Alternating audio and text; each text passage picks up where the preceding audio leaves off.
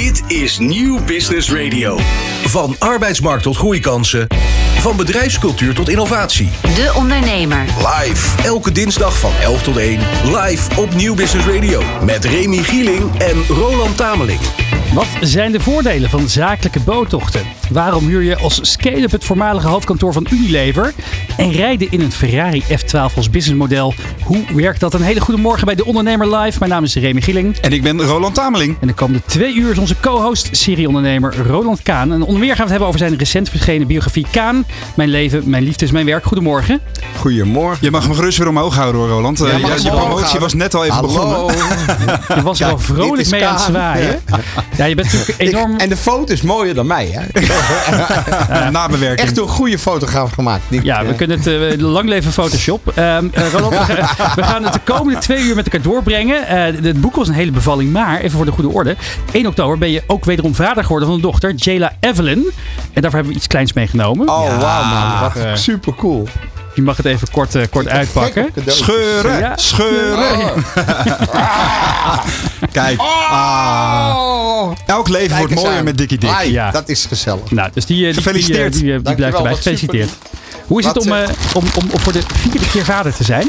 Sorry? Hoe is het om voor de vierde keer vader te zijn? Ja, dat is eh, echt superleuk. En ik misschien nog bewuster dan de vorige drie. En wat een lekker beest. Ja, ja.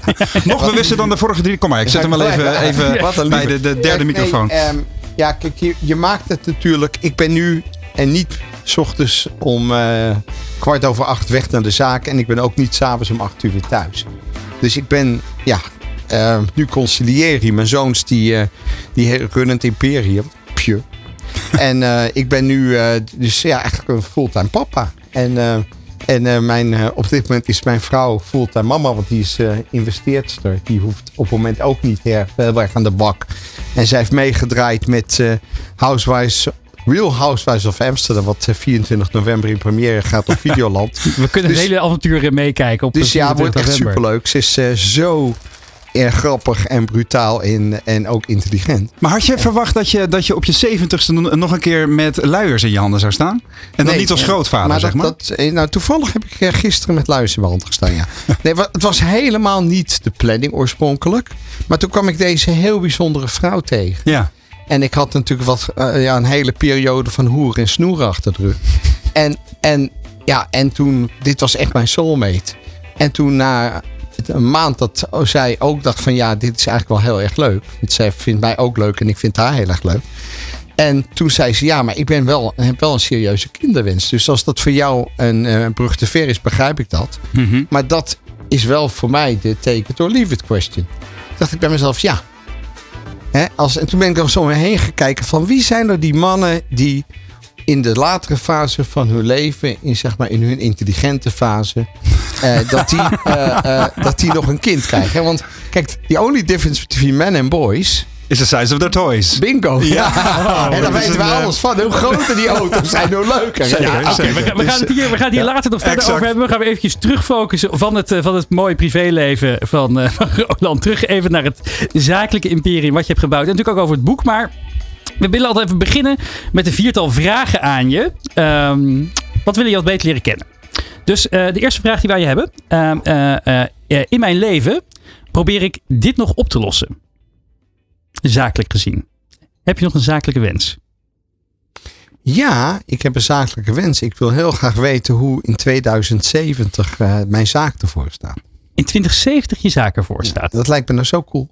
Gaan we, ga je dat halen? Ehm, je, als het mij, als mij ligt wel. je bent druk bezig en dan moet de eh, wetenschap wel een beetje zijn best doen. Ja, maar je, En je- eh, anti-aging moet een beetje zijn best doen. Maar nee, kijk, bent- je bent er ik, druk mee ik, denk, ik denk heel eerlijk dat dat misschien... Kijk, het is een Joodse wens. Ik wens je 120 jaar. En als je dan heel beleefd bent, dan zeg je... ik hoop dat je op een begrafenis bent. Dan heeft iedereen zich netjes aan zijn beleefdheid gehouden. Maar, maar 120 is erg optimistisch. Maar ehm, de gemiddelde man in Nederland wordt tussen de 81 en 84. Maar ik heb natuurlijk een heel ander levens dan de gemiddelde man. Ik heb ook geen fysieke arbeid verricht of eh, slijtage aan allerlei onderdelen. Ehm, ik, ben, eh, ik heb wel, eh, ben, ben wel chronisch patiënt eh, bij melanoom. Hoewel ik begrijp dat de ziekte praktisch uit mijn lijf is. Dus ik ben, eh, het was weer een kleine terugval, maar ik ben nu weer eh, helemaal, ik vind het een geweldig team ook met de AVL, waar ik ook mijn boek aan wijd. Maar ja, dus ik denk, laat ik zo zeggen, ik ga voor 100. Je gaat voor 100. En als dat, als dat lukt, dan, dan kan mijn kindje eh, 30 jaar meemaken. En ehm, ja, 30 jaar is heel erg lang. En uiteindelijk zijn er ook mannen die, ehm, ja, die eh, hun kind al in de steek laten voordat het geboren is. Dus het is niet, leeftijd is niet. eh, mijn, mijn vriend Mark de Hond, die eh, is op hele jonge leeftijd overleden. Dus leeftijd zegt niks. Maar we gaan voor 100. Ja, we Ehm, gaan voor 100. En we gaan door naar de volgende vraag. Ik lig wel eens wakker van. Ehm, dat ik geen 100 wordt. Ja? Had je zorgen? Nee. Oké. Ik, lig, ik lig nooit wakker. Nee? Nee, ik lig nooit wakker. Nooit s'nachts wakker geworden? Nee, nee, ja, nu van de baby. Ja. Maar, ja, niet, maar dat is niet, niet over dat zorgen. is, eh, die maakt da- dusdanig lawaai dat je daar wakker van wordt. En bovendien, je, maakt je, je maakt je daar ook wel, weet je dat, oeh, weet je, dat zijn die geluidjes die meteen, eh, dus alles, eh, was het vroeger anders? Werd je vroeger wel, tijd bij Coolcat, roerige periode geweest ook? Werd je toen wel eens wakker? ja, kijk, in, ik, heb me, ik heb, ben ook ziek geworden, denk ik, door de stress. Ik denk dat stress naast DNA de belangrijkste reden is waarom je ziek wordt. Dus ik heb wel te veel stress gehad. En ook, heb ook weet je, als je als politici zich tegen je richten en, en, en je kunt je niet verdedigen en de pers die schrijft al iets voordat, weet je, je bent al veroordeeld voordat je, eh, uiteindelijk kan ik terugvechten, dus heb ik die wedstrijd gewonnen. Maar dat blijft altijd wat hangen, dus daar krijg je wel stress van. Maar we hebben je door de jaren heen ook leren kennen als iemand die zich over heel veel dingen druk maakt en ook wil inzetten voor een betere wereld. Is er dan nu niets waarvan je denkt, ah, dit moet nog worden aangepakt? Nee, daar moet zo ongelooflijk veel worden aangepakt. Maar als je daar wakker van ligt, dan kan je het niet aanpakken. Dus je moet lekker slapen en dan ochtends wakker worden en het lekker beetpakken. Terugkijkend op mijn carrière, ben ik het meest trots op? Eh, dat ik de zaak heb kunnen overdragen aan mijn twee zoons. Er zijn natuurlijk heel weinig bedrijven waarbij het management zegt, ja, dat zijn capabele mensen. Daar willen we voor werken.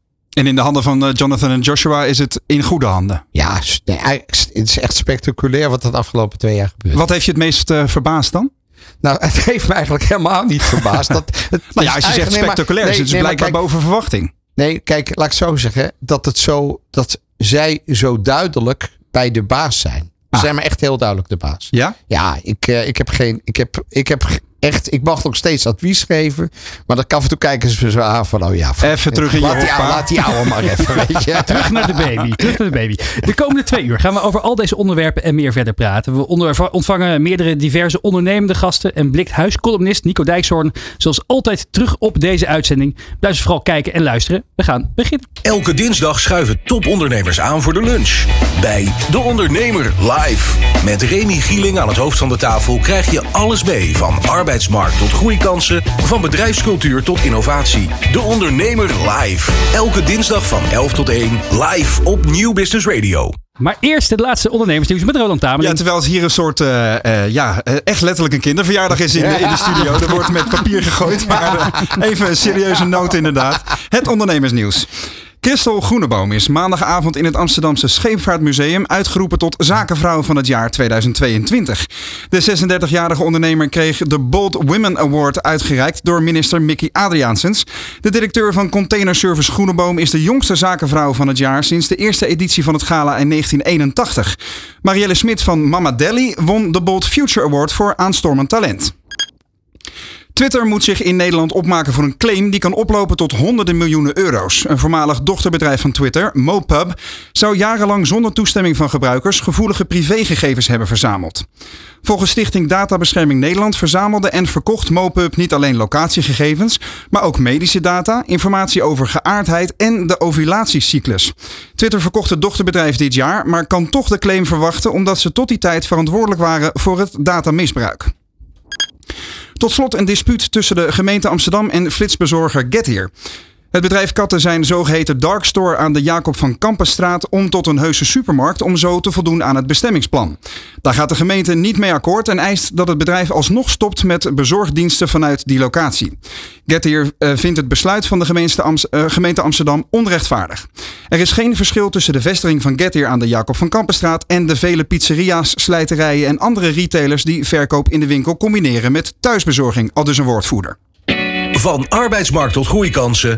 Van bedrijfscultuur tot innovatie. De Ondernemer. Live. Elke dinsdag van 11 tot 1. Live op Nieuw Business Radio. Ja, we praten verder met serieondernemer en investeerder Roland Kaan over zijn nieuwste boek Kaan, Mijn leven, mijn liefdes, mijn werk. En daar is hij weer. En hij is er weer. Hij is er weer. Hoi. Loop je nou ook door de buurt heen met dat boek zo, eh, Roland? Ja, de hele tijd. Ja, Eh, dat doe ik zo. Ja, doe je zo, hè? Kijk. Je bent er echt trots op volgens mij. Ja, nee, maar ik heb er onwijs hard aan gewerkt. We hebben... ehm, Vertel eens, we- hoe werkt dat? Hoe gaat dat in zijn werk? Wat, Nou, wat heb je gedaan? Kijk, eerst, eerst het idee. Het idee was van ik wil graag een boek schrijven. En ehm, hoe ga ik dat aanpakken? En waarom wilde je dat? Nou, omdat ik denk dat ik een hartstikke boeiend leven heb. En dat ik daar een aantal ervaringen in heb opgedaan. Waar andere mensen ook wat aan hebben. En het is hartstikke leuk als je leven ook, eh, ja, dat je dat met andere mensen kan delen. Ja, En als je één op één mensen coacht, wat ik best doe, dan is dat ook heel bevredigend. Maar als je zo'n boekje schrijft, dan kan je dus duizenden mensen bereiken. En sommige mensen die laten, lenen hun boek uit, dus dan eh, is dat duizenden plus. En dus ik ben, ja, dat verleek mij heel leuk. Kwam nog iets anders bij. Dat toen we eenmaal besloten om een kindje te krijgen, dacht ik, zou het niet leuk zijn om daar een mooi document voor te maken. En toen had ik in september had ik een interview met Retail Trends. Eh Reinilde van Ekers, eindredactrice van dat blad, die schreef dat interview. En toen zei mijn liefde, Sherry Ann, die zei... Nou, het is net alsof ik jou hoor praten. En toen heb ik Marcel ten Holte, dat is de eigenaar van Retail Trends, en Reinilde gebeld. Ik zeg, god, zouden jullie mij willen helpen met het boek? En toen zeiden ze, ja, wat stel je dan voor? Nou, toen zei ik, weet je wat, ik ga het gewoon schrijven. En dan ga jij het gewoon redigeren. Dan ga jij kijken hoe het beter kan. Die, weet je, die, die, tone of voice die jij in het interview hebt, die willen we graag in het hele boek. Nou, dat hebben we met Marcel een deal gemaakt. Dat hij, ik zei, het is voor liefdadigheid. Dus jullie moeten tegen gereduceerd tarief doen. Dus hij pakt een heel klein winstje op ieder boek. En, eh, en ehm, ja, dus zodat echt eh, driekwart van de opbrengst eh, naar het AVL kan. Dat, dan schiet het een beetje op. Is het Antonie van Leeuwenhoek ziekenhuis waar jij zelf ook in behandeling bent geweest, hè? Eh, en, nog- en nog? Ja. Ik ben nog steeds eh, chronisch patiënt daar. Mhm. Ja, maar fantastisch. eh, Van de receptionisten tot de professoren. Wat een klantgerichtheid. Wat een patiëntgerichtheid. In dit geval echt klantgericht. Die patiënt is echt een klant in dat ziekenhuis. En Waar heb je dat aan gemerkt dan toen je daar binnen liep? Aan alles, weet je, de energie. Ik ben sowieso heel erg energiegevoelig. Dus je komt daar binnen. De mensen zijn vriendelijk. Mensen houden rekening met dat er allemaal mensen binnenkomen die natuurlijk voor een groot deel ja, diep in de put zitten. Ja. Hè, dat zijn ook eh, heel veel eh, mensen komen daar en die krijgen een doodvonnis. En vroeger, als ik eh, deze ziekte 7, 8 jaar geleden eerder had gekregen, ik heb hem in 2017 gekregen, toen was net de immuuntherapie in Nederland. En, en die heeft mij genezen. En, en dan nu is het af en toe komt er, is nu, als nu pas een heel klein tumortje. En dat is dan nu, begreep ik van de, eh, van de PET-scan, is dat niet meer te zien. Maar je, je, als je, je bent eigenlijk nog heel lang chronisch patiënt. Maar vroeger bestond dat natuurlijk allemaal niet, al die fantastische medicijnen. En nu, hè, er wordt wel heel veel gekankerd op die farmaceutische industrie. Maar het wordt toch allemaal maar ontwikkeld. En nu door dat RNA, Ehm, eh, waar ook zoveel over gezeikt wordt. Ja, die RNA-techniek die gaat ons waarschijnlijk in staat stellen om een vaccin tegen kanker te ontwikkelen. Wat is dat RNA dan? RNA is die methodiek waarmee de COVID-vaccinatie is ontwikkeld. Ja? Ja, ja. En dat is een hele nieuwe techniek. Ehm, eh, ik ben natuurlijk geen medicus, ik Mhm. ben ook geen laborant en ik ben natuurlijk ook geen bioloog. Dus ik zeg dat als in mijn al mijn, ehm, eh, in mijn, al mijn amateurisme. Ja. Maar ik ben natuurlijk wel inmiddels een betrokken amate- amateur. Ehm, ik, kijk, Maar- voor, vooruitgang gaat met vallen en opstaan. Ja? Dus dat er ook mensen eh, door die RNA-techniek verkeer, aan de verkeerde kant van de streep vallen. Ja? Maar dat is niet te vergelijken met het aantal mensen dat niet dood is gegaan door die, vaccinatie. Dus we moeten proberen om die dingen wat te rationaliseren en te begrijpen dat bij iedere strijd vallen slachtoffers. En eh, ja, ik liever dit soort slachtoffers dan de slachtoffers in Oekraïne lijkt me toch? Nog Ja. even naar dat boek. Is dat dan toch ook de reden geweest dat je besloot om dat nu te doen? Dat je, heb je het gevoel dat je de dood in de ogen hebt gekeken? En nee, nee, ik heb geen seconde het gevoel gehad dat ik dood zou gaan. Eh, weet je, dat, eh, ik heb continu gefocust op waarom ik hier nog eh, nut heb op deze planeet. Want ik geloof dat dat ook belangrijk is. Dus eh, dood moet, is ook iets wat je niet moet willen, toch? Eh, Althans, ik wil het niet. Er zijn ook mensen die zo depressief zijn dat ze dat op hele jonge leeftijd al willen. Maar ik vind het veel te leuk hier. Weet je, alleen al het feit dat ik hier bij jullie in de studio mag zijn, wat een feestje. Weet je, dat zijn toch dingen die wil je toch graag meemaken in je leven. Je besloot het boek te gaan schrijven. Waar, ben, waar, waar ben je begonnen? waar ben je, hoe, hoe, hoe begin je? Nou, ik, je begint met een chronologische volgorde. Dat je nadenkt van op welk stuk begin ik. Ja, en waar, Ja? en waar was dat? En, en ehm, dus ik ben helemaal onderop begonnen, vanaf mijn jeugd. Wat is me ons overkomen? Eh, ik ben in 52 geboren. Eh, hele familie uitgemoord door de nazi's. Althans, ja, niet mijn ouders natuurlijk en niet mijn grootouders. Maar al die broers en zussen praktisch wel. Dus echt heel heftig. En dan, ja, dan begin je dus al met de wrok tegen eh, de overheid en de maatschappij. En eh, die wrok is er nog steeds. eh, want ik denk nog steeds dat eh, Joden ongelooflijk slecht behandeld worden. En dat er nog steeds weer, weer nieuwe fabels zijn over. Hè, zoals zo'n ik. Dat, dat mensen zelfs maar nadenken dat je als. Weet je, je kan toch een. eh, met de DNA-testje weten. kan toch iedere debiel begrijpen. dat wij geen. dat wij geen hagedissen zijn. Weet je, het is zo simpel. Ik, ik heb DNA afgenomen. Dat kan, kan je tot 2000 jaar teruggaan. Ja, dus. Maar mensen willen graag iets geloven. En dus geloven ze het. Maar in ieder geval, daar begon het mee. Het begon dus met die jeugd. En ik ben toen ik. eh, we gingen voor een, een, een, eh, het project om het kindje te krijgen naar Amerika in november. Daar hebben we een DNA, of een, een ja, IVF-project gedaan. Want ik had mijn leidingen door laten knippen. Eh, toen ik van mijn ex-vrouw afging, 15 jaar geleden. Want ik dacht, ja, straks kom ik, krijg ik zoveel verkeerde vrouwen op me af. En op een gegeven moment staat er een vrouw die mij als een soort levensverzekering ziet. en die zegt van, hé hey, Ronald, ik heb een verrassing voor jou. Dan zeg ik, nee schat, ik heb een verrassing voor jou. Weet je, dus... eh, de- Preventieve, pre- preemptive, pre- preemptive strike, oké. Ja. sorry? Ja, preemptive strike. Heb je dat Ja, gezegd? Oké, we doen, we doen het door midden. Regeren is vooruitzien. Maar dus dat moest. Dat, dan, dus wat hebben ze gedaan? Ze hebben mij op medicijnen gezet, op medicijnen. Dan komt je spermaproductie weer op gang. En daar halen ze met een injectie, op, met een, eh, een operatie, halen ze dan die sperma weg. Een beetje, beetje medisch verhaal. En dat wordt dan in zo'n eitje geïmplanteerd. Dan heb je dus een embryo. Eh, in mijn geval een embryootje. En, eh, en, eh, en, dat, eh, en dat werd dus bij mijn prachtige vrouw eh, binnengebracht. Ja. En eh, nu hebben we een prachtige dochter. Ik ben wel onder de indruk hoe snel dit gesprek naar de extreem persoonlijke details gaat. Ja, dat, dat zijn we op zich wel van je gewend ik heb je toch beloofd dat het weer Het wordt weer een, zou zijn. een uitsprakenkanon inderdaad. Ja, maar, maar dat viel mij ook wel op aan het boek. Is dat het echt doorspekt is met heel veel persoonlijke details. En ook veel zelfkritiek. Ik ben wel benieuwd tijdens het, eh, het, het schrijven en het inspreken wat je hebt gedaan. Hè, want, want heeft het uite- uiteindelijk uitgewerkt. Wat zijn de conclusies waar je zelf misschien een beetje verbaasd over was? Het is misschien ook een soort zelfonderzoek geweest. Ja, wat een, een over het paard getilde eigenlijk. Daar is de kop. Ja. Want? nou ja, ik weet je, ik ben zo van mezelf overtuigd. Ja. Ja? Dat ik soms wat denk, dat wat, wat moeten mijn kinderen hebben het echt het best wel moeilijk gehad. En ook Bas Smit, die elf jaar voor me gewerkt heeft. Weet je, ik, ik, als ik, ik, ik ben ook, ook een enorme streetfighter. Dus uh, als ik uh, de wedstrijd niet eerlijk win, dan moet ik hem toch winnen. Dan ga je door, ja? door muren heen. Ja, dus ik, ik ben net als zo'n professionele voetballer. Ik wil nog niet zeggen dat ik iemand zijn oor afbijt. Want Mhm. ik ben niet zo fysiek. Maar ik, ja, ik moet wel winnen. Tegelijkertijd, een paar, een paar Ja? weken geleden, of een paar maanden inmiddels alweer, hadden we Bas Smit hier in de uitzending. De foto kan je nog zien hangen daar eh, op, Aan de op muur. de muur, Ja. eh, Ja. rechts, Ja. rechts Ja. onderin. Ja. Wat, eh, en, en Bas zei daarbij, ja, ik, de, de persoon waar ik het meest van heb geleerd in mijn leven is toch wel Roland Kaan. Nou ja, we zijn elf jaar. Hij was haast een kind van me. We hebben elf jaar. Kwam bij me binnen. Was 23 jaar. Aandelenhandelaartje toen nog. Hij was aandelenhandelaar en hij had, uh, was van de beurs gesjeest. Of hij was Ja. eerst. Uh, ja, het werd nu computerschermen. Dan kan hij met die grote bek van hem, dan kan hij geen kant uit.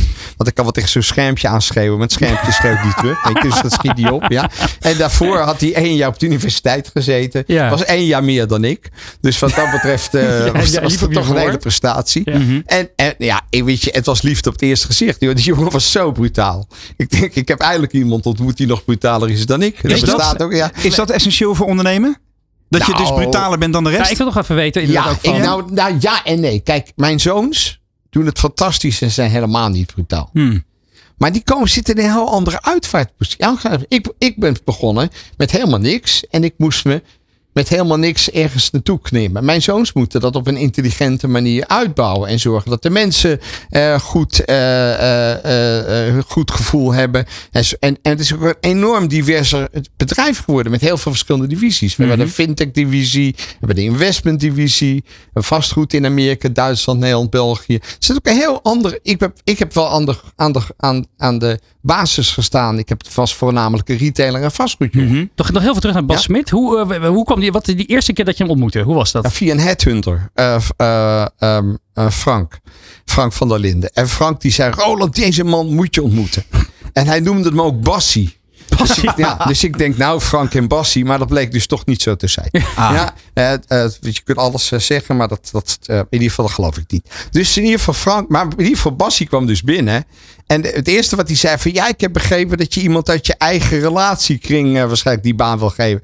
Weet je, nou ja, ik heb een enorm gevoel voor rechtvaardigheid. Dus ik denk, nou wacht even. Weet je, als hij denkt, uh, maar Bassie was ook wel manipulatief, uh, heel goed. En dus wij hadden dat gesprek. En ik denk, verrek, die jongen is zo alert en snel en to the point. En weet je, weet je, die kan je, je kan, kijk, je hoeft een aap niet te leren klimmen. Hè? Je hoeft, moet alleen even laten zien waar de boom is. Dus dat hielp. Dus Bas is echt een aap, kan waanzinnig klimmen. En we hebben ook vooral het heel erg leuk gehad. We waren echt de Bassie en Roland show. Dus mensen, wij waren niet de grootste vastgoedjongen. Maar mensen vonden het zo leuk om bij ons te zijn. Dat wij deden die dieselspeler En wat ik, ik heb een enorm goed gevoel voor energie. En voor met elkaar zorgen dat de sfeer leuk is. En in een goede sfeer doe je zaken. Hoe was het dan toen die wegging? Ja, dat was heel pijnlijk. Ja, dat was. Uh, ja, kijk, ja, kijk, hij ging, hij verliet het bedrijf en hij ging voor zichzelf. En ik heb altijd gezegd: je gaat er niet voor een andere eikel werken. Als je voor mij gewerkt hebt. Eén eikel is genoeg. ja, je, je moet het dan zelf gaan doen. En dat is hij ook gaan doen. Maar het is toch een beetje als een soort scheiding. Hm. Weet je, we waren toch. Uh, het was toch.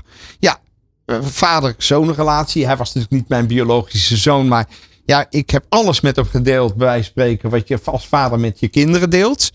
En hij is ook als een kind mee gaan doen in het vastgoedbedrijf. Maar hij had ook recht om die stap te zetten. Weet je, ik gunde het hem ook van harte. Ik gunde het hem en tegelijkertijd had ik er moeite mee. We gaan er zo meteen verder over praten. De Ondernemer. De Ondernemer live. Op Nieuw Business Radio. Kantoorruimtes op het water, zo noemt onze volgende gast het product van zijn bedrijf. Zakelijk een boot leasen zou immers ideaal zijn voor werkoverleg, een vrijdagmiddagborrel of uitje met relaties. En aangeschoven hier bij de Ondernemer Live is Jelle de Boer van Blees. Welkom. Super, dankjewel. Leuk dat ik er mag zijn. Ja, hoe ben je op het idee gekomen van Blees? Ja, waar moet ik beginnen? Uh, bij het begin. Ja, heel lang geleden.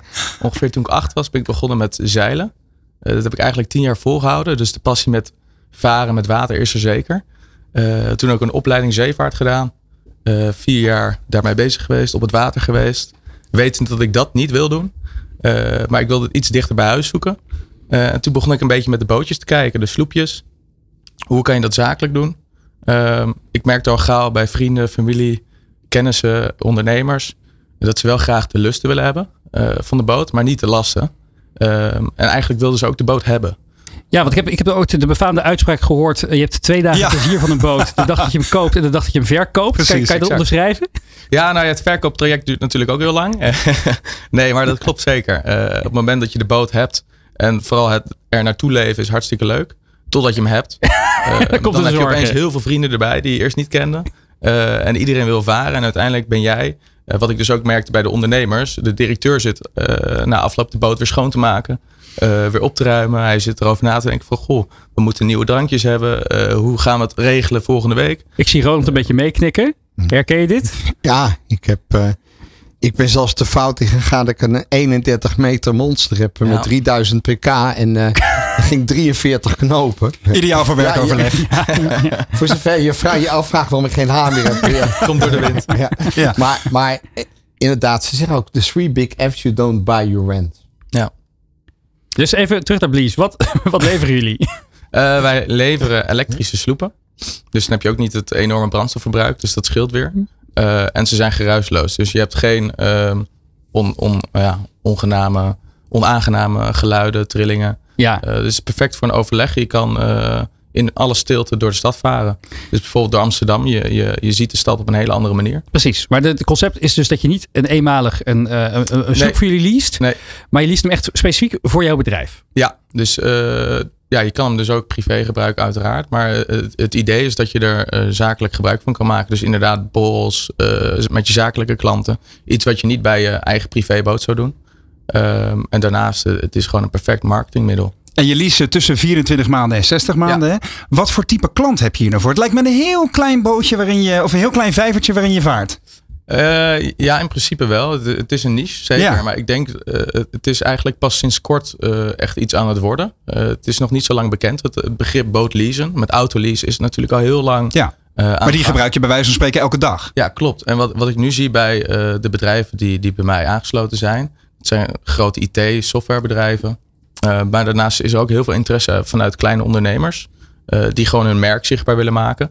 En ehm, die huren mij dus ook in om de boot eh, eh, als promotie rond te laten varen. Dus dan vaak met niemand aan boord, maar wel om eh, het merk zichtbaar te laten maken. Dus met Ah. jouw huisstijl erop, zeg maar. Ja, dus de boot wordt helemaal eh gefine-tuned naar de kleuren van het bedrijf. eh, maar ook een beetje qua indeling. En die boot is dan specifiek alleen voor dat bedrijf? Ja, of dus- dus- zijn er ook bedrijven die een boot delen? Nee, dus eh, mocht jij zeggen van god, dat lijkt me gaaf. Ik wil, more, ik wil meer, eh, eh, meer zichtbaarheid hebben. Ik wil eh, personeelstevredenheid omhoog gooien. Ik wil zorgen dat ze bij me blijven werken. Of ik wil nieuwe klant of nieuwe personeelsleden eh, naar me toe trekken. Eh, dan neem jij een boot. En dan kan je zoveel varen als je wil. En je hebt ook nooit een dubbele boeking. Want jij bent de enige die hem gebruikt. Eh, maar de directeur kan hem gebruiken. Maar ook een personeelslid. Dus eh, dat, is, dat zijn maar net de afspraken die je met het bedrijf maakt. Dus hij kan heel breed ingezet worden. En Nee. bij de klanten die ik nu heb, eh, zie ik dat, ze, dat hij dacht, ik vaar één keer per week. Uiteindelijk heeft hij eh, hartstikke veel gevaren. En die branding, ja, en die branding die kan best wel ver gaan. Ik hoor dat je helemaal tot aan de kussentjes aan toe kan je, kan je de logo's Klopt, op. eh, klopt. Dus, dus de ene klant die wil overal zijn logo hebben staan. En de andere klant vindt het best als het alleen op de zijkant staat aan de buitenkant. Ja. Dan hoeft hij er zelf niet de hele dag tegenaan te kijken. Maar eh, de branding is een heel groot ding. En dat wordt denk ik nog heel erg onderschat. Ik denk dat Roland graag zijn foto op die kussentjes zou krijgen. Kan, Nou, kan dat ik- ook? ik zie dat nee, boek boek, boek, Ja. alleen het boek. Ja. Ik denk dat het hoofd en, en naam er perfect op kan. Ja, ja. Nee, maar dan was ik zo benieuwd. Eh, Hebben jullie dan die boten, hebben jullie dan in allerlei havens, hebben jullie dan ook plaatsen gehuurd voor die boten? Ehm, nou, ik, ik ga, ik ga eh, inderdaad op zoek naar een lichtplaats. En, en tot nu toe is het altijd eh, makkelijk gelukt. Hoeveel heb je nu varen dan? Eh, er, komen, er zijn er nu drie. Ja. En ik hoop er nog twee eh, bij te krijgen voor de winter. dus je bent echt, toch echt een pionier. Ja, ja dus ik ben echt eh, sinds januari eh, begonnen. Wat ik heel gaaf vind eraan is dat je dus die boten ook zelf aan het ontwikkelen bent. Het zijn volgens mij oude Ja, reddingsboten. hè, ja die het zijn oude reddingssloepen. En die worden helemaal omgebouwd eh, naar elektrisch. En dus Super gaaf uiterlijk alle- sowieso. Ja, Ja. ja. dus als je ze ziet, dan, dan verbaast het je van... Is dit een echt een oude reddingssloep? Ja, Eh, hij is natuurlijk wel helemaal mooi gemaakt en helemaal naar de eh, conform nu. Eh, maar- het, het vaart perfect en, en het is geruisloos. Stel, ik heb een goed lopend IT-bedrijfje, helemaal hip. Ik wil mijn, eh, mijn eh, medewerkers tevreden houden en veel op het water gaan. Stel, ik lease bij jou voor 24 maanden een mooie sloep. Wat krijg ik dan en wat kost het me? Ja, dus, ja er zijn van alle, allerlei mogelijkheden. Een product is niet gelijk. Wat raad je me aan, laat ik het zo zeggen. Nou, Stel, ik heb 40 medewerkers. Ja, dan, dan, dan het is gewoon een standaard boot. Mhm. rond de 8, 9 à 10 meter. Dus dat zijn behoorlijke boten. Dus daar zou je met 40 man op kunnen. Het is dan wel redelijk eh, krapjes. gezellig. Gezellig. Ja. Ik maar altijd. Maar wel buiten, dus volledig covid Ja, exact. Hoeveel kilo kan zo'n boot hebben dan? Veel. Ja, het wat is is- gemaakt om bijvoorbeeld 100 man te redden. Oh, het is echt, Het, het is echt een, een, echte redding. ja, ja, ja, ja. Dus alleen de romp is nog in zich heel eh, origineel. Maar even terugkomen Ja, op de vraag. nummers willen we 24 maanden. Eh, het ligt eraan in hoeverre je ontzorgd wil worden. Dus je kan al een boot voor 1200 euro per maand krijgen. Mhm. Bijvoorbeeld. Eh, maar dan moet je wel veel zelf doen. Ja, snap ik. Dus dan ligt de boot er en dan maak ik alleen het financieel mogelijk dat eh, een bedrijf een boot kan hebben. Precies, Wil maar je met, alle opties erbij en wil je eh, drank aan boord hebben, eten, wil je me altijd kunnen bellen, eh, de kussentjes klaargelegd worden. Een privéschipper. Exact, dat kan allemaal bijgeboekt worden. Dan ga je wel richting de 2000. nou, vind ik nog steeds in marketingtermen eh, is dat natuurlijk eh, een, een prima Ja, investering ja, dus voor menig Ja, IT-bedrijf. exact. Dus de branding die zit er al vanaf het begin bij. Ja. Dus dat is eigenlijk Roland Kaan, als je dit hoort, heb je nou zoiets, dit had ik 20 jaar geleden willen hebben? Nou, ik had, ik had zelf, ik woonde aan de vecht. Dus ik had zo'n echte vechtsloep. Ja. Maar er stond niet heel groot koelket op. Eh, nee, dat, was, eh, dat kan ook helemaal niet. Want het was echt een, een, een vintage boot. Hij was ook, eh, Hij was toen het, het oude tiekhandelaar, was hij van massief tiek. Maar helemaal overnaats, met, eh, dus helemaal uit, uit één lat gemaakt. Was een waanzinnige boot. Gaaf. Ja. En eh, die heb ik eh, aan de makelaar die mijn huis verkocht heeft cadeau gedaan. Dus, eh, Tuurlijk. Zo gaat Ja. dat in die wereld. Ja. Nou ja, nee, Maar ja, kijk, mocht als je- iemand iets fantastisch voor je doet. Je, ik geloof wel dat je. Maar kijk, die boot was. Dat was een bak met onderhoud. Zo'n oud houten boot. Ja. Weet je, hij moest gelakt worden. was, Mhm. al, was altijd gezeik. En weet je, in het begin vaar je heel fanatiek. En toen verhuisde ik naar Amsterdam. En toen lag hij in Tilton. En dan ga je ook heel fanatiek varen. En op een gegeven moment betrap je je erop. Dat dit wat hij zegt. Dan moet je de dekzeil eraf halen. En Ja. dan moet je. Het is al zoveel gezeik. Iedere keer En dat dan moet gedoe. je zorgen Iedere dat keer er genoeg Albert Heijn, die drankjes. zijn. En denk Ja. je, what the fuck? Weet Ja. je, en ehm Dus met andere woorden, eh, in principe het gat in is de een markt. fantastisch concept wat deze Ja. jongeman bedacht heeft. Hoe, Dus ehm, ik vind dat dat van drie moet, dat er heel snel 30 worden en heel snel 300. nou, ik denk dat de markt er zeker, voor- er zeker voor is. Maar dan moet je wel nog even afstuderen. Je bent gewoon nog aan het studeren. Ja, klopt. Eh, laatste jaar bedrijfskunde. Hoe verdeel je Dus, je tijd eh, daarin? Want het lijkt ja. best wel lastig als je bedrijf en probeert op te schalen. En je moet nog eventjes die laatste tentamens halen. Ja, dat, dat was dus ook eh, in januari die, met de eerste klant begonnen. En, eh, maar hij is juist heel goed. Ja, het is goed. Goed voor de druk. Maar ik, ik, ik had me er wel in op verkeken. Het, eh, het bedrijf runnen en daarnaast laten groeien en daarna school. Dat was vooral een, een opgave. Dus vandaar zijn we ook pas van de, van de zomer met de twee nieuwe klanten begonnen. Ehm, omdat het was gewoon pittig. Nou, bereid je maar voor. Nou, vandaag gaan de boekingen door het dak, Ja, denk ik hoop ik, het. Jelle. Dus er, is, er, is, er zijn nu sowieso Bootje. nog plekken, eh, plekken voor twee, eh, twee nieuwe klanten. En daarna moet ik even gaan kijken hoe we het gaan doen. Eh, vooral logistiek. De boten moeten gebouwd worden. Ehm, dus, dus er zijn nu boten die morgen beschikbaar zijn. Heb je, En al, daarna is, een, wa- is eigenlijk een wachtlijst. heb je al voor lange termijn een idee hoe je het meer schaalbaar kan maken? Dat is natuurlijk altijd het, het, het Ja. grote heiligdom in start-up land. Ja, ehm, ik kan nu mooi kijken naar wat de klant wil qua boten. Nu heb ik allemaal de boten van dezelfde bouwer. Ehm, dus voor, voor nu is dat heel eenvoudig. Maar er zit er ook een max aan. Op het moment dat ik eh, meer klanten krijg of meer eh, aanvragen, dan kan ik heel makkelijk kijken van goh, waar kan ik de boten nog meer laten bouwen. Nou. Dus, dus dat is heel makkelijk te doen. En dan is het gewoon het managen. Dus, dus dan ben ik hopelijk ook klaar met mijn studie en dan eh, kan ik hier fulltime mee bezig.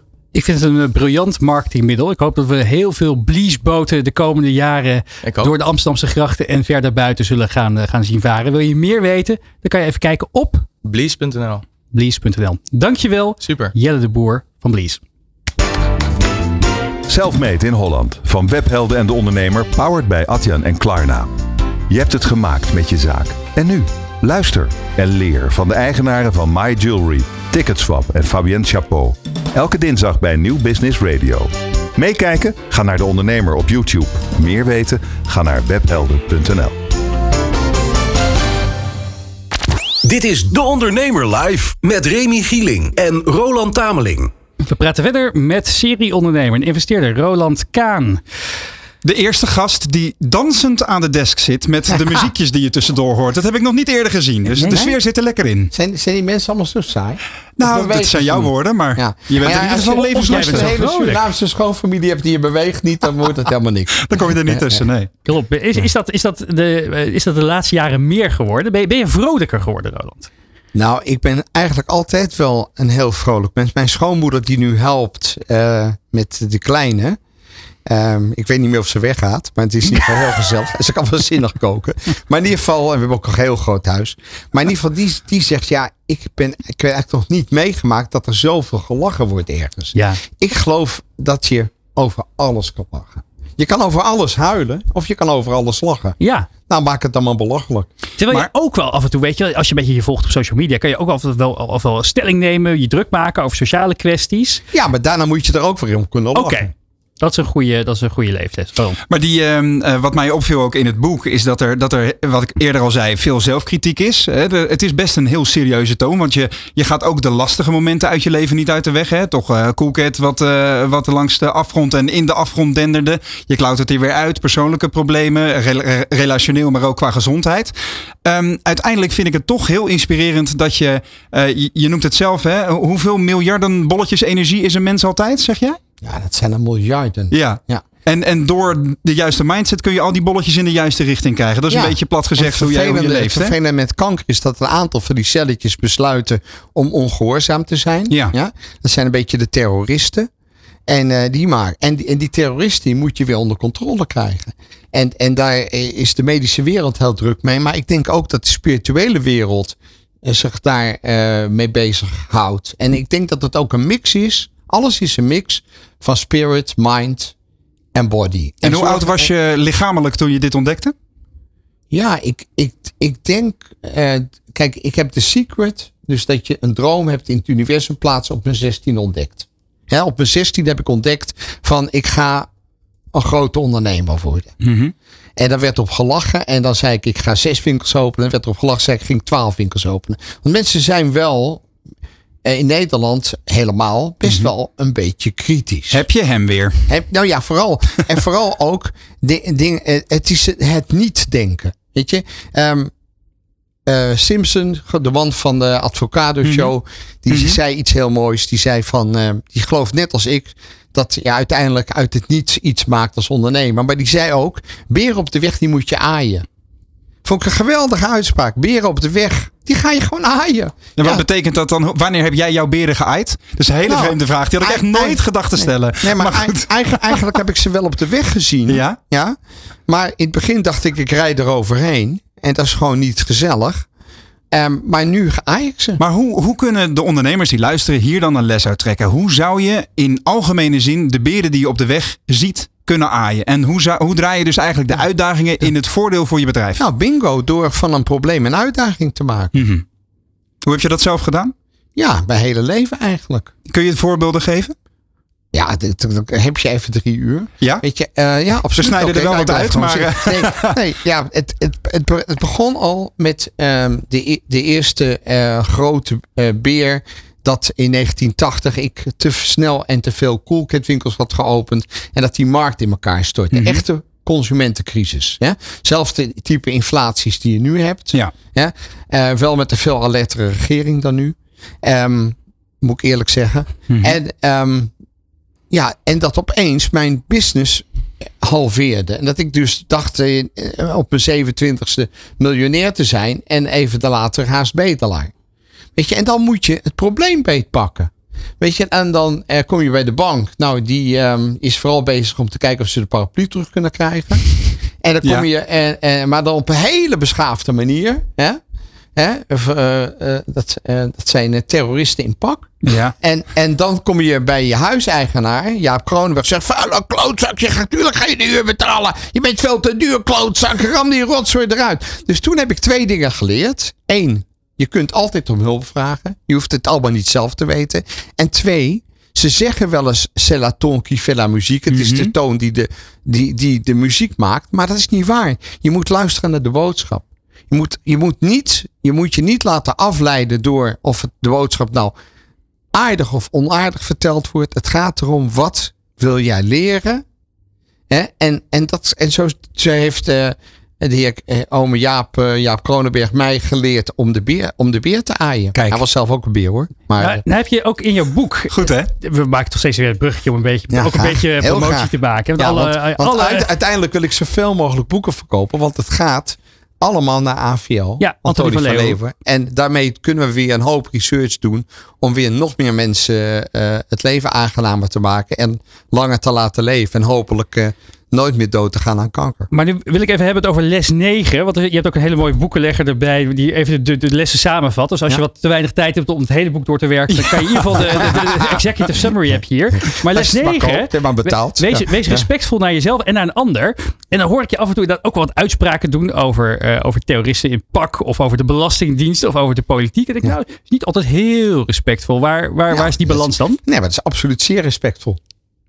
Ja, als jij, als jij mensen die, eh, een belastingdienst die 300.000 mensen op een zwarte lijst zet. Ja, en daarmee wegkomt. Als je dat terroristen noemt, is dat zeer respectvol.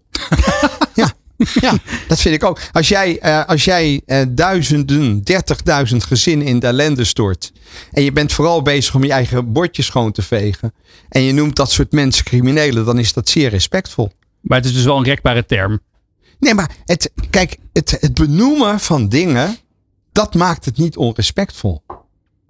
Oké, maar wanneer Ja, is het, het niet benoemen van dingen, het, het onder het, de mat vegen, dat is onrespectvol. Het lijkt is respectvol, onrespectvol maar- naar ons als burgers, hoe wij verneukt worden. Dat is onrespectvol. Maar dat benoemen en daar eerlijk over praten, dan kan iemand zeggen, Kamer, wat heb je grote bek? Ja, ik heb grote bek. Nou, weet je, laten we het samen oplossen. Maar het niet oplossen en het net doen alsof het oké is, want dat gaat vanzelf wel weg. Dat is onrespectvol. Vind en, ik. Oké, en misschien niet op de man spelen. Is dat het dan ook? Ja, maar het gaat. Maar kijk, ik speel toch niet op de individuele belasting. Nee, daarom, dat zeg ik ook. Ik speel toch ook niet op. Ik heb het over het instituut Ja. Belastingdienst. Dat zeg ik. Kijk, daar werken prima mensen. Maar daar werken ook eikels. Daar werken ook sadisten. En, en als die sadisten het voor het zeggen hebben, dan is het een probleem. En dus moeten we zorgen met z'n allen dat de goede mensen het voor het zeggen krijgen. Ik vind de nuance op eh, de tien lessen van Roland Kaan ook wel, eh, ook wel mooi. Zeker les nummer 10. Luister voordat je spreekt. Verdien voordat je uitgeeft. Denk voordat je schrijft. Probeer voordat je opgeeft. En leef voordat je sterft. Die laatste daar, daar gaan we het straks nog wel even over hebben. Want eh, daar heb je ook een interessante theorie over. Maar het gaat dus heel erg over. ehm, de juiste, het juiste tempo trek ik eigenlijk als conclusie uit het boek. Dat is wat je geleerd hebt in. eh, Ik ga heel hard hoor. ja, ondanks de 70. Ja, ja. Ja. Ja. Maar dat is dus uiteindelijk het juiste tempo. Of ga je ook wel eens te hard? Ja, dat heb je net al aangegeven. Je gaat te hard in de jaren ik ben, 80 ik onder ben andere. een aantal keren te hard gegaan, ja. Ja. Ja, maar. En, en dan niet op het circuit van Zandvoort, want dat is er voor gemaakt. ja, precies. Mits je op tijd remt, inderdaad. Ja, ja. Anders lig je alsnog in de vangrail. Maar, maar op het moment dat je, dat je dit soort levenslessen eh, koppelt naar ehm, de mensen die je nu adviseert, hè, als uh, conciliaire bijvoorbeeld, of als, als, als manager, of eh, eh, ehm, eh, ja, hoe zou, zou je zeggen, coach. Ja. Wat is dan die, als we het echt even droog koken, het residu, wat blijft er dan over? Ja, dat is heel individueel. Ja. Kijk, ik coach nu, en daar ben ik heel trots op, een groep van acht jonge ondernemers in het kader van het masterplan Amsterdam Zuidoost. Ja, dat is een masterplan wat door de gemeente bedacht is. En daar bemoeien zich dan een, ongeveer twintig eh, bedrijven mee en, en, en, en instituten. En het komt, weet je, dat, dat, komt, dat soort dingen komt dan niet zo goed van gang als het zou moeten. Ja? Dus met die directrice gesproken van het masterplan. Zei, nou, wat hebben jullie leuke ondernemers? Ja, hebben we. Nou, geef ze maar, stuur ze maar mijn kant op en dan ga ik ze coachen. Nou, Mhm. we gaan binnenkort met de tweede groep beginnen. Weet je, en dat is soms wel confronterend. Want dan zit je gewoon met iemand te praten. En, ehm, ja, en die heeft dan echt enorm veel drive en passie. Maar gewoon vaak net niet de kennis. Heel goed. We En, en, het ga, en die kennis dan. Dus je moet kijken per eh individu. Van wat is je toegevoegde waarde. En dat is allemaal heel, heel, heel persoonlijk. Weet je, als ik met een hele grote ondernemer praat, een grote horeca-jongen, die zegt, nou, ik bestel 110 boekjes, eh, want ik kom ze met, eh, met ik heb een staffel gemaakt, dat die boekjes ga ik ook naar bedrijven brengen. Ja? Van tot 50 boekjes, dat is eh, 1000 euro. Kun je bij mij op de zaak koffie komen drinken. en dan ge- geef ik je, als je dat wil, wat advies. En dan eh, heb je 50 boekjes opgehaald. Vanaf 66 boekjes eh, breng ik ze binnen een half uur van, eh, van Amsterdam. Ja. En met 110 broekjes breng ik ze een uur vanaf Amsterdam. En dan kom ik even bij je praten. En ja, en als je ziet hoeveel ondernemers dat doen. Maar het is natuurlijk een heel ander gesprek. Of ik met een ondernemer praat die ehm, eh, continu in het buitenland inspiratie opdoet. En door heel Nederland iets van 30 horecazaken heeft. Of je praat met iemand uit Zuidoost.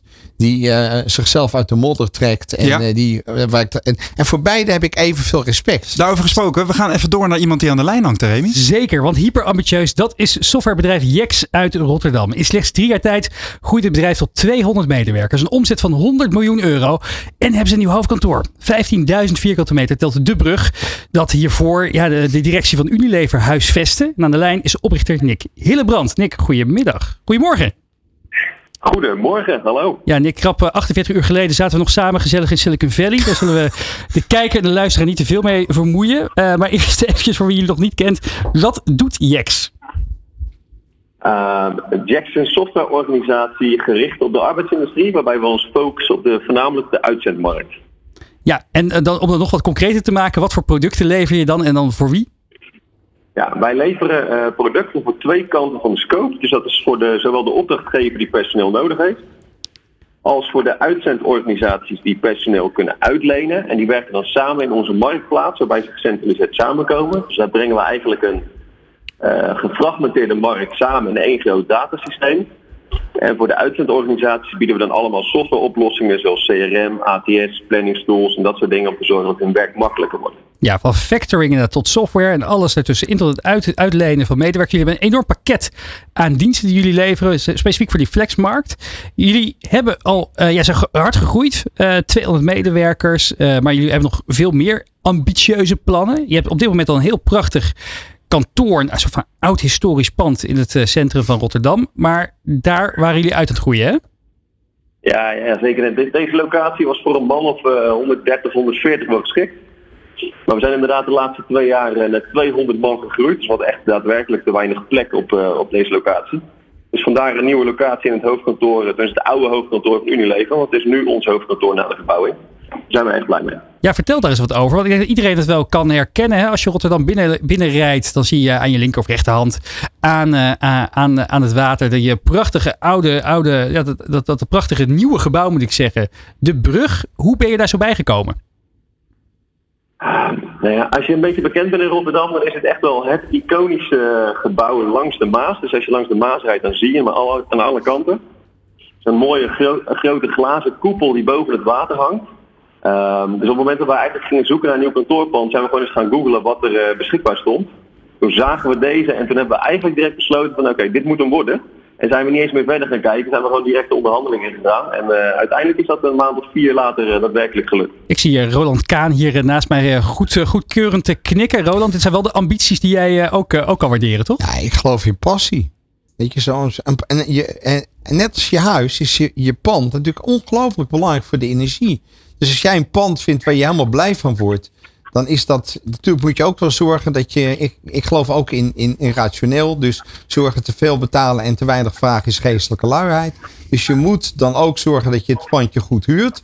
Maar het moet eerst wel leuk zijn. Nou ja, en volgens mij moet je, moet je daar nog wel wat aan, aan, aan, aan verbouwen, hè, Nick? Want je denkt, nou, Unilever zat erin, het zal wel goed zijn, maar volgens mij is er, is er nog wat, wat vertimmerder nodig om het een beetje echt helemaal in jekstijl te maken. Ja, dat is wel een ander statement hoor. Het pand is eh, 15.000 vierkante meter. En we moeten elke vierkante meter opnieuw eh, eh, gaan inkleden. Dus echt alles gaat eruit en alles gaat er opnieuw in. Vanaf het casco werkt aan toe. Dus ik denk dat we tot eh, april hebben we uitgetrokken om alles te verbouwen. En dan willen we eigenlijk wel de eerste 200, 300 man over gaan zetten. Maar hoeveel mensen hebben jullie dan? Ja, we hebben er nu 200. Maar ik verwacht dat we rond april er al zeker 260 in dienst hebben. En eind van volgend jaar al tegen de 400. Dus ik heb echt die plek wel nodig. Maar als je 400 medewerkers hebt, je hebt 15.000 meter. Ik reken even hard op, dan kom ik op 37,5 vierkante meter per medewerker. Dat is een, een hele grote kamer van 6 bij, bij eh, 6,5 voor iedere medewerker. Dus dat is, ja, Ja. dat is nogal eh, heel royaal. Het is Dus, op de groei gekocht, hè, Nick? ja, dat, dat, eh, jij, jij verwent je mensen. Ja, Het verwennen is, natuurlijk niet, het is natuurlijk alleen niet eh, voor, eh, voor vandaag en morgen. hè. Het is de bedoeling dat wij hier de komende paar jaren vooruit kunnen. Ja, dat- Ehm, dus als wij dit jaar met 200 man zijn, volgend jaar met 400 en het jaar daarna met 700, dan zit je het jaar daarna helemaal vol. Ja, of je wil gewoon natuurlijk een hele grote bestuurskamer hebben daar, Nick. Ja, zeker. Maar het moet natuurlijk heel groot worden. Maar komen al die- komen al die mensen de hele week in je- in- je goed pand? in. Goede catering, goede sportschool, goed alles wat eh, nodig is voor eh, de huidige personeels. eh, Nou, ik denk, eh, ik denk ook dat je het mede hebt eh, gehuurd natuurlijk voor de, voor de enorme marketingmogelijkheden. Je hebt al een paar renders op, eh, op het internet te laten zien waarbij heel groot het, eh, het, het Jax logo op de zijkant pronkt. Je bent ook onder meer eh, eh, shirtsponsor geworden bij, bij Feyenoord. Hoe zie jij dat eh, eh, in, in, in alle marketinguitingen die je doet? Want dat is een belangrijk thema voor jou, toch? Ja, ja, marketing is bij ons wel echt een van de, kern, eh, een van de kernactiviteiten. Dus we zijn natuurlijk een tech-onderneming, maar we bestaan pas twee jaar. Nou, wat ik zeg, we hebben nu rond de 2000 klanten en 200 medewerkers. Dat laat een beetje zien hoe snel wij uit de, uit de blok komen en hoeveel wij nog moeten opschalen voor de komende jaren. Want er zal een vertienvoudiging in moeten zitten in de komende drie jaar ongeveer van deze onderneming. Eh, dan speelt marketing en branding gewoon een enorm grote rol. En dan helpt zo'n eh, zo'n pand met extreme exposure langs de Maas helpt er enorm mee. Ja, want er is, er is natuurlijk een grote krapte op de arbeidsmarkt. Ook voor de talenten die jullie zoeken. Er zal een pand bij helpen. Maar je hebt onlangs ook je hele eh, medewerkerspool laten trainen door een stel oud-mariniers. Waar je zelf natuurlijk ook onderdeel van, van, van, van uitmaakt. Kan je nog vertellen hoe, je dat, hoe dat in elkaar zat? Ja, zeker. Eh, Jackstream, ik denk als je bij ons de LinkedIn-pagina's en Instagram-pagina's gaat kijken, dan ga je het ook kunnen terugvinden.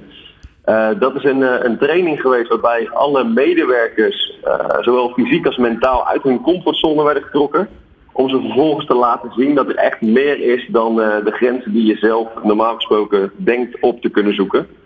En daarmee eh, het teambestuur, of tenminste de teamsturing en het personele groeien eh, te kunnen, eh, kunnen waarborgen. Wat- een hele mooie training geweest, heeft heel veel effect gegeven, heeft veel kwaliteit eh, toegevoegd aan het team. Dus ik denk, eh, als iedereen even lekker op onze Instagram en eh, LinkedIn pagina kijkt en de video terugkijkt, dan ga je heel veel eh, Welke effect heb je gemerkt dan, Nick?